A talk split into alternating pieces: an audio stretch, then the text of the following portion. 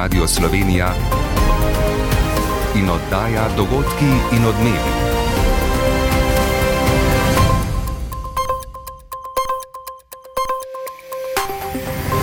Ura je 15 in 30 minut. Dober dan. Svetovno prvenstvo v nordijskem smučanju se je tradicionalno končalo s kraljevsko tekaško disciplino. Enako kot na ostalih tekaških preizkušnjah med moškimi so slavili Norvežani. A med slovenskimi navijači še vedno odmeva zdravljica, ki je ob sinočnih podelitvah kolajn zazvenela kar dvakrat, za kar so poskrbeli Timi Zajci in njegovi kolegi iz skakalne reprezentance. Da smo vedno z njimi, zdaj, kaj jim je odlično ratalo, pa tudi takrat, kaj jim ni šlo, smo bili z njimi.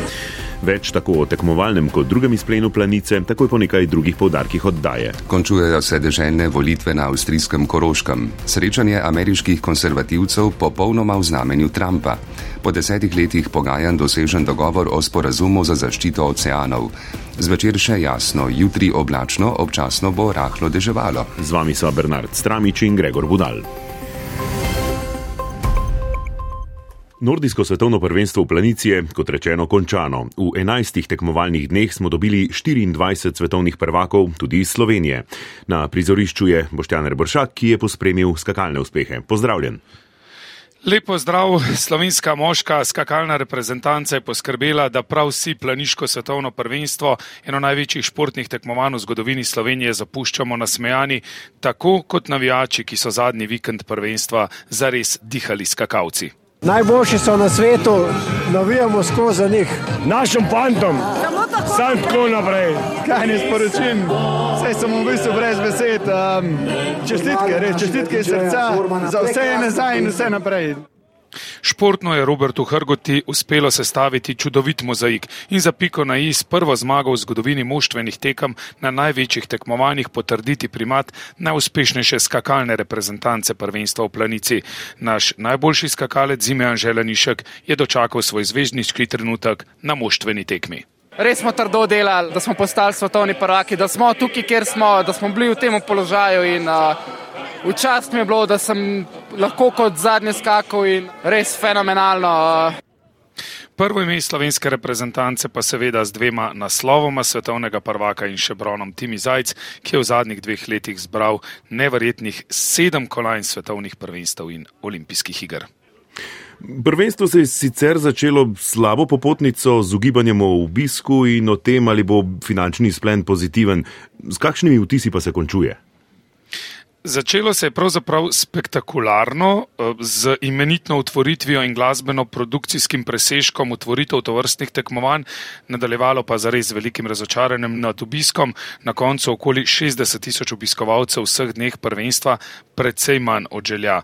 Eh, podobno številko smo videli tudi že v predvsej krajšem programu poletov ob koncu svetovnega pokala, a obisk ni edino merilo uspešnosti, eh, razlaga tudi direktor zveze Uroš Zupan. Mi smo si postavili nekje deset ciljev pri, pri samem svetovnem prvenstvu, pri organizaciji in devet od teh desetih ciljev ocenjujemo kot zelo uspešne. Pač pri prodaji bi lahko bili bolj uspešni samih torej kart oziroma pri obiskovalcih, da tako rečem, um, same pohvale od tako tekmovalcev kot tudi spremljevalnega osebja in lahko smo res ponosni na njih in, in na vse nas, da, da nam je uspelo res eno super prvenstvo z vidika organizacije organizirano odlično, a brez duše dušo dajo gledalci. Upajmo pa, da bo prvenstvo finančno uspešno zaključeno za prihodnost slovenskega nordijskega smučanja. Tekmovalno pa smo zares spremljali eno najlepših prvenstv doslej. Boštjan, kako pa ti ocenjuješ, kakšna bo zapuščina planice? Športno izjemna. Eh, Kolisa in ureditev eh, prizorišča je bila vrhunska, planica bi lahko še kdaj organizirala podobno tekmovanje, pri Mednarodni svučarski zvezi so navdušeni nad tem prizoriščem.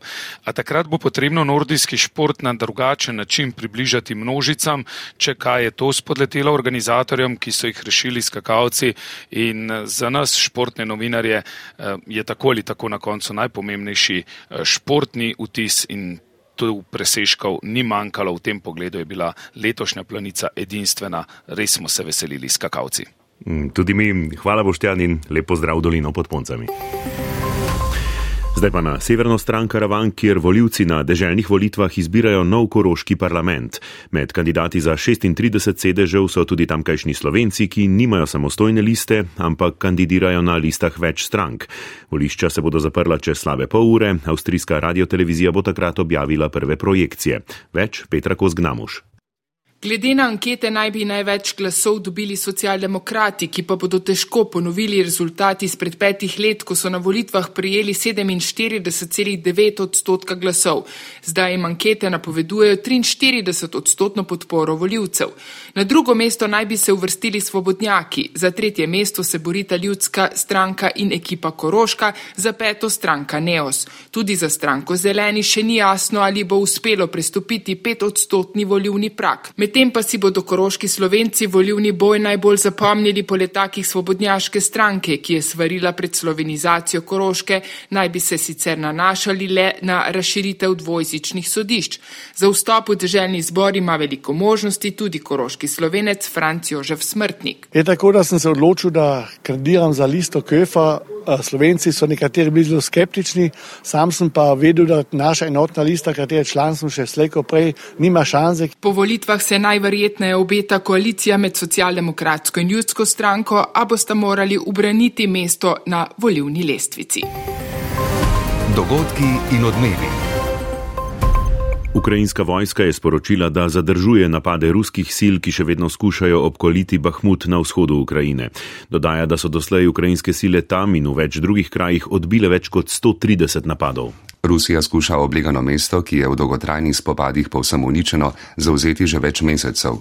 Ob tem je Ameriški inštitut za preučevanje vojne sporočil, da v okolici Bahmuta potekajo srditi spopadi in opozoril, da se ukrajinske dobavne poti zožujejo. Vojna v Ukrajini je odmevala tudi na letni konferenci Ameriškega odbora za konzervativno politično akcijo CPEC ki se je sinoči končala v National Harborju v zvezdni državi Maryland.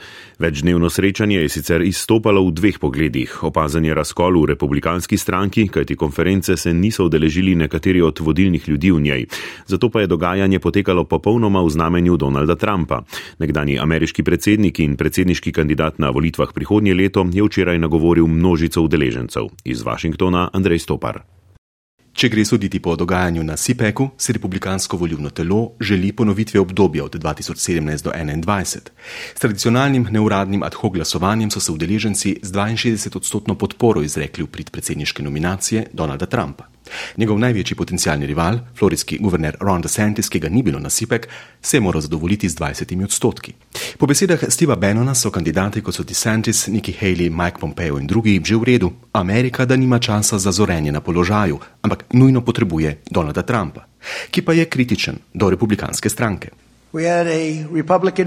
Imeli smo republikansko stranko, ki so jo vodili čudaki, neokonzervativci, globalisti, fanatiki odprtih meja in bedaki. Ampak nikoli se ne bomo vrnili k stranki Paula Ryana, Karla Roveja in Jeba Busha. Donald Trump je, kritičen tudi do NATO in kolektivne varnosti, spomnil, da ne bi on ustavil projekt plinovoda Severni tok 2.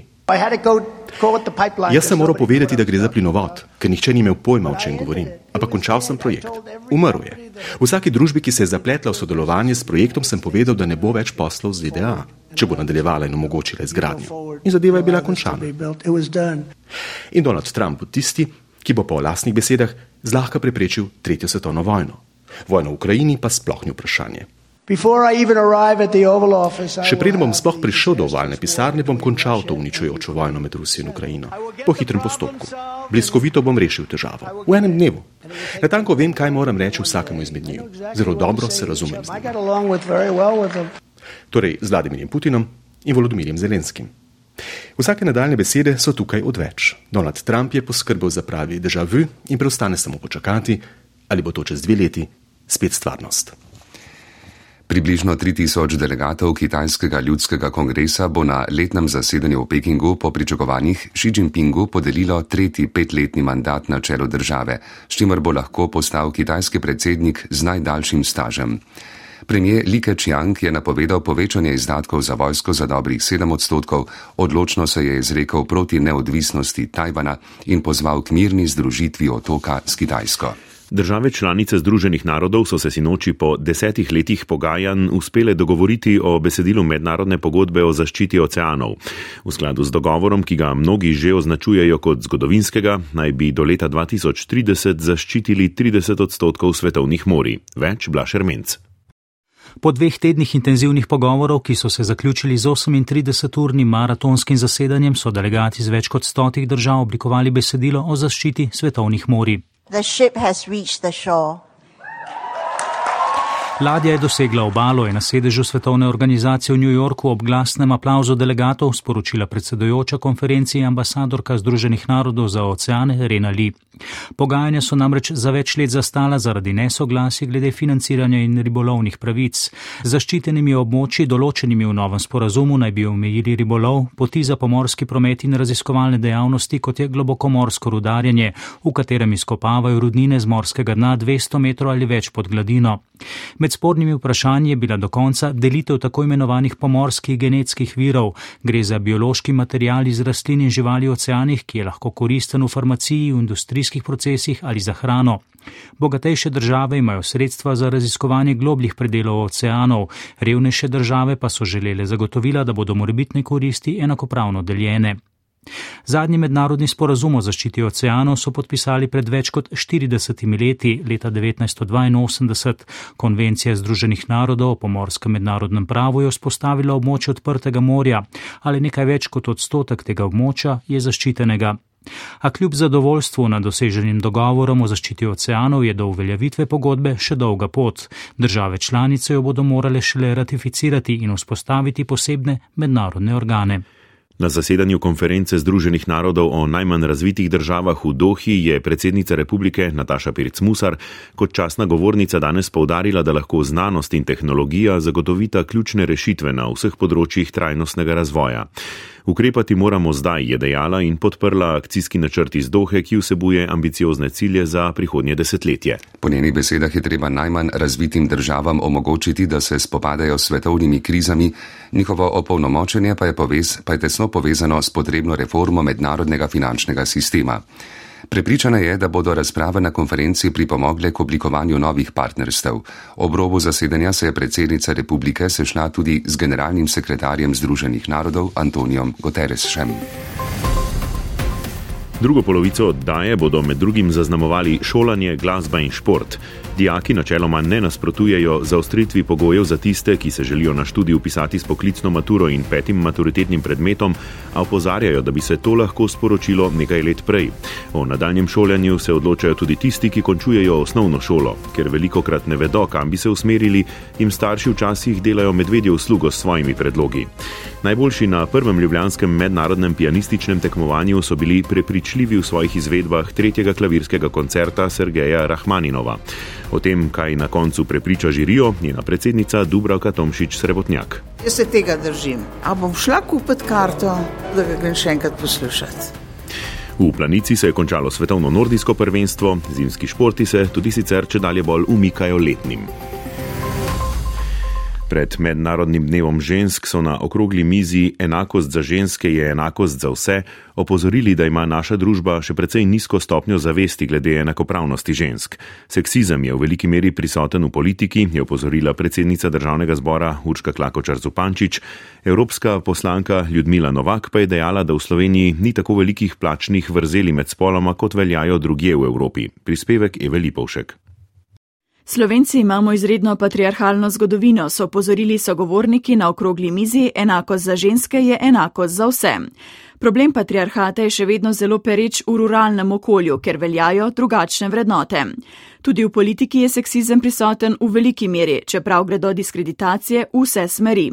Predsednica državnega zbora Urška Klakočar Zupančič. Marsikdo je diskreditiran zaradi nekih osebnostnih lastnosti, ker ko zmanjka argumentov, tudi to pride včasih komu prav za nabiranje političnih točk.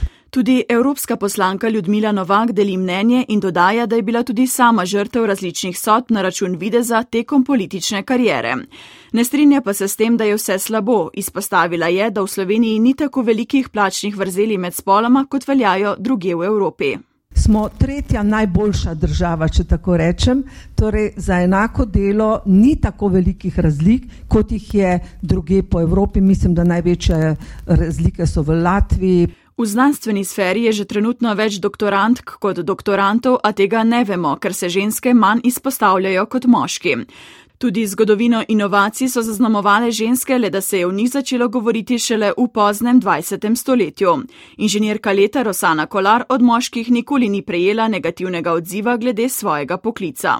Medtem ko pri ženskah sem doživela ravno obratni odziv. Dobivala sem vprašanje, če se zato počutim manj ženstveno. Če imam materinski čut, zaradi tega, ker delam z moškimi in ker gledam predmete drugače, ne doživljam sveta isto kot one. Sogovorniki so sicer povdarili tudi pomen primerne vzgoje in zatrdili, da vsakršna kriza poveča neenakost med spoloma, tako je bilo tudi v času epidemije. Številne maturante je v času informativnih dnevov presenetila novica o zaostritvi upisnih pogojev za tiste, ki se želijo na študij upisati s poklicno maturo in petim maturitetnim predmetom. Zaradi različnih interpretacij zakonodaje so univerze do zdaj dopuščale, da so se upisovali tudi v smeri izven področja njihove poklicne šole, na zahtevo Nacionalne agencije za kakovost v visokem šolstvu pa so na 19 fakultetah in akademijah univerze v Ljubljani ter na univerzah na Primorskem in v Novi Gorici pogoje zaostrili. Na univerzi v Mariboru pa še naprej ustrajajo pri dozdajšnjih pravilih. Bratko Zavrnik. Zaostritev pravil je v skladu z 38. členom zakona o visokem šolstvu zahtevala Visokošolska agencija NAKVIS ob lanskem podaljšanju univerzitetnih akreditacij. Temu dijaki načeloma ne nasprotujejo, vendar predsednica dijaške skupnosti Maribor Lara Maurič opozarja, da bi bilo zelo optimalno, da bi se to povedalo določeno število let prej, ker sedaj je večina že odločenih in v tem je potem tudi problem. Direktor Nakvisa Franci Demšar odgovarja, da je komuniciranje v pristojnosti univerz. Omenjenim maturantom preostane sprememba šolanja, opravljanje splošne mature, kar bi jim po opozorilih dijaške skupnosti vzelo dodatno leto, ali kot pravi direktor agencije, Ali je mogoče, so kakšni mejni razlogi, zaradi katerih menijo pa, da je njihova srednja šola kljub temu ustreza tej definiciji in eh, mislim, da s pritožbo lahko tudi marsikaj rešijo. Poklicne maturante tudi z nekompatibilnih poklicnih šol pa še naprej sprejemajo na Univerzi v Mariboru, kjer bodo pogoje zaostrili leta 2025. Takšnih upisov beležijo letno nekaj sto, do zdaj pa niso povzročali težav, pravi rektor Zdravko Kačič. Analiza, ki smo naredili za nas zadnjih Eh, kar precej let kaže, da tukaj med dijaki na študijskih programih, ki recimo po sedanjim interpretaciji zakona ne bi smeli biti upisani, pravzaprav so zelo, zelo primerljivo uspešni tudi v svojem študiju. Na visokošolskem ministrstvu zaplete spremljajo, a jih zaradi avtonomnosti visokošolske agencije in univerz ne komentirajo. Stanje bodo skušali urediti z novelo zakona o visokem šolstvu, ki je že v pripravi. Mladi se torej v tem času odločajo za nadaljevanje šolanja. Tudi za upis v srednje šole je še dovolj časa, razpisi se bodo končali 3. aprila. Vodoči študenti in dijaki so na informativnih dnevih dobili informacije o upisnih pogojih šolanju, dobili so prve vtise in druge koristne informacije. Odločitev za nadaljevanje šolanja je kljub temu za številne težka. Kakšno vlogo imajo pri tem starši? Darja Groznik. Za marsikaterega 15-letnika, ki končuje osnovno šolo, je lahko vpis v srednjo šolo stresen. Albert Mrgole, družinski terapeut, povdarja, da gre za pomembne, ampak ne tako usodne odločitve, ker ne vemo, kako se bo razvijal svet in mi v njem. Tudi, če naredimo napako, je pomembno, da jo znamo popraviti in tudi to naj bo sporočilo staršev otrokom, ki nadaljujejo šolanje. Veliko krat otroci ne vedo, eh, rečejo, ne vem, kaj bi izbral oziroma ne vem, kaj, kaj sploh bi.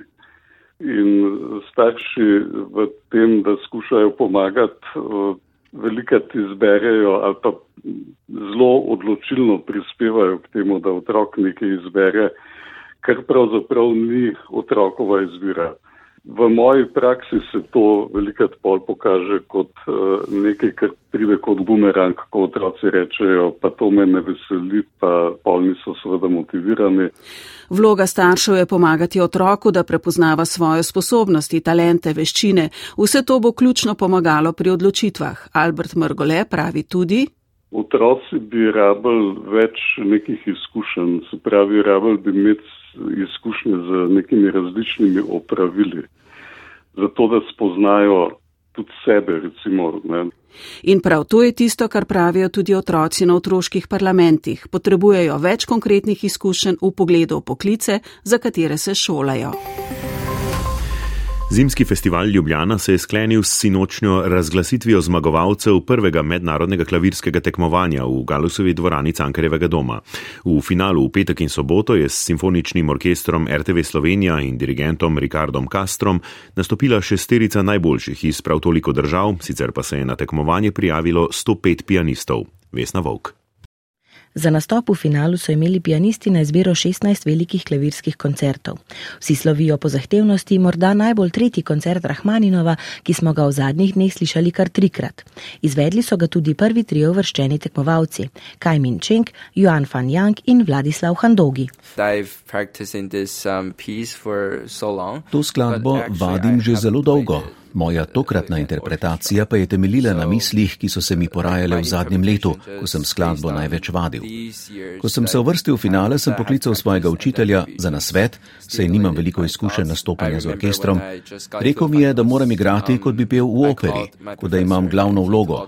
In te besede so potem odzvanjale v meni tako zmagovalec tekmovanja Kajmin Čeng. Ta je namreč najbolj navdušil devetčlansko mednarodno žirijo, ki je predsedovala Dubravka Tomšič Srebotnjak. Jaz se tega držim. A bom šla kupiti karto, da ga grem še enkrat poslušati. Kaj Minčenk se bo domov vrnil z nagrado mesta Ljubljana v vrednosti 30 tisoč evrov.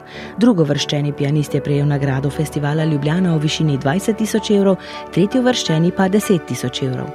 Poleg tega je za nje predvidenih tudi več nagrad v obliki nastopov v prihodnjih dveh letih. Denarne nagrade so sicer prijeli vsi finalisti ter še nekateri drugi pianisti, ki so dobili posebne diplome. Med njimi tudi najviše zastopani slovenski pianist Urban Stanič, ki se je uspešno prebil v drugo etapo tekmovanja. Od glasbenega tekmovanja k športnim. V planici se je končalo svetovno nordijsko prvenstvo, v prispevku športnega uredništva tudi o supervele salomu in biatlonu. Kolegi se bodo posvetili še nezimskim športom, med drugim atletiki in nogometu. Z vami bo Mojca Breskvar. Prijeten preostanek pa povdneva želim.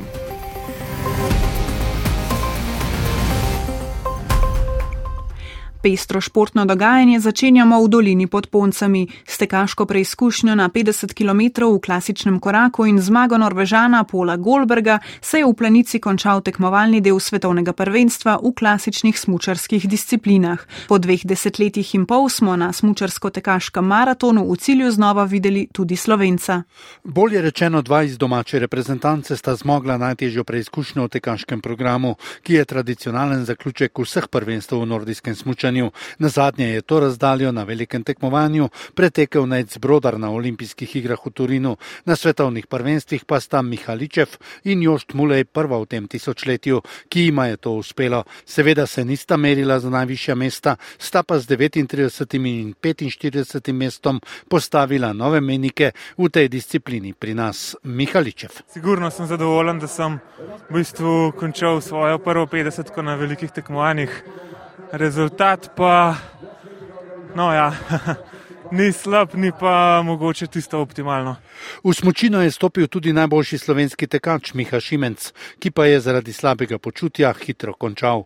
Na vrhu pa je tokrat ob vnovični prevladi severnjakov Norvežan Paul Golberg, ki je nasledil rojaka Emila Iversena.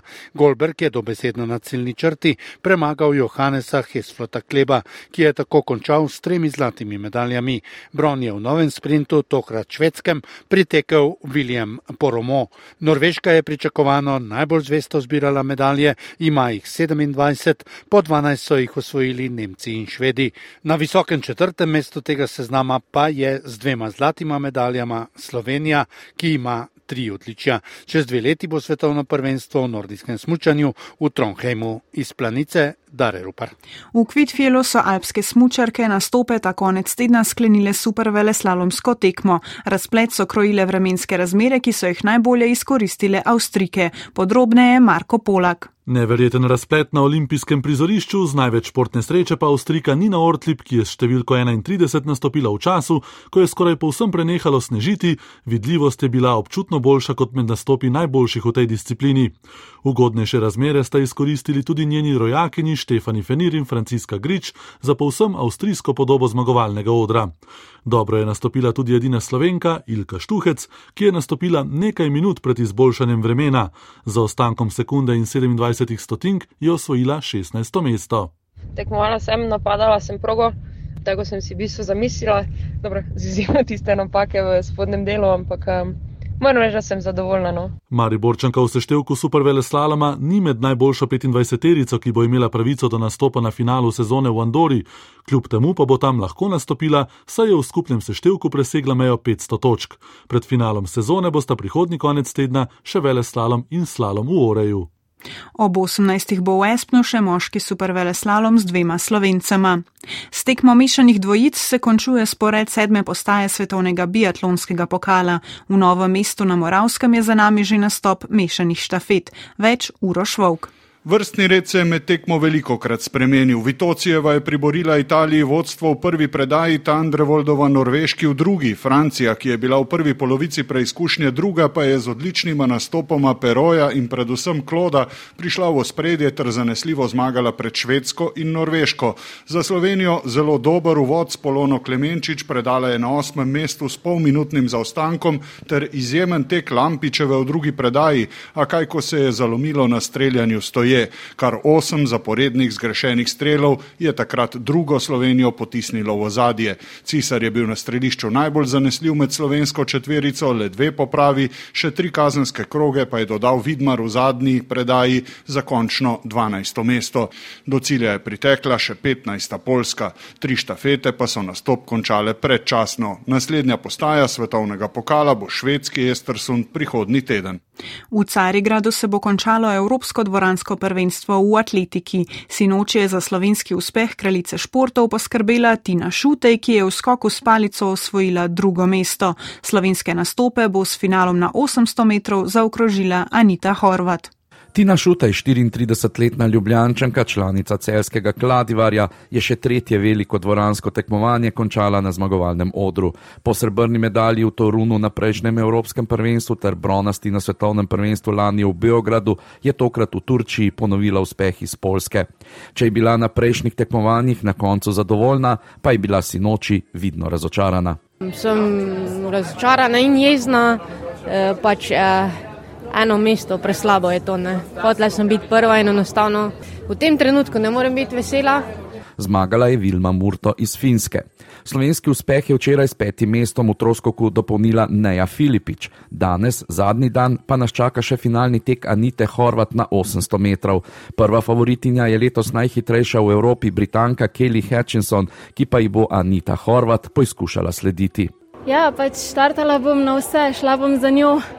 Tekla bom, kot mi bodo dale noge, šla bom po zobeh do, do cilja, če bo treba in to je vse, kar lahko povem. Med osmimi finalistkami ima Anita Horvat letos drugi najboljši izid iz Carigrada Tomaš Langerholz. K koncu gre 25. krok nogometnega državnega prvenstva. Tabor in Bravo sta se rašla brez zmagovalca ena proti ena. V derbiju kroga se prav zdaj merita Mura in Maribor. Tekmo spremlja Jože Pepevnik.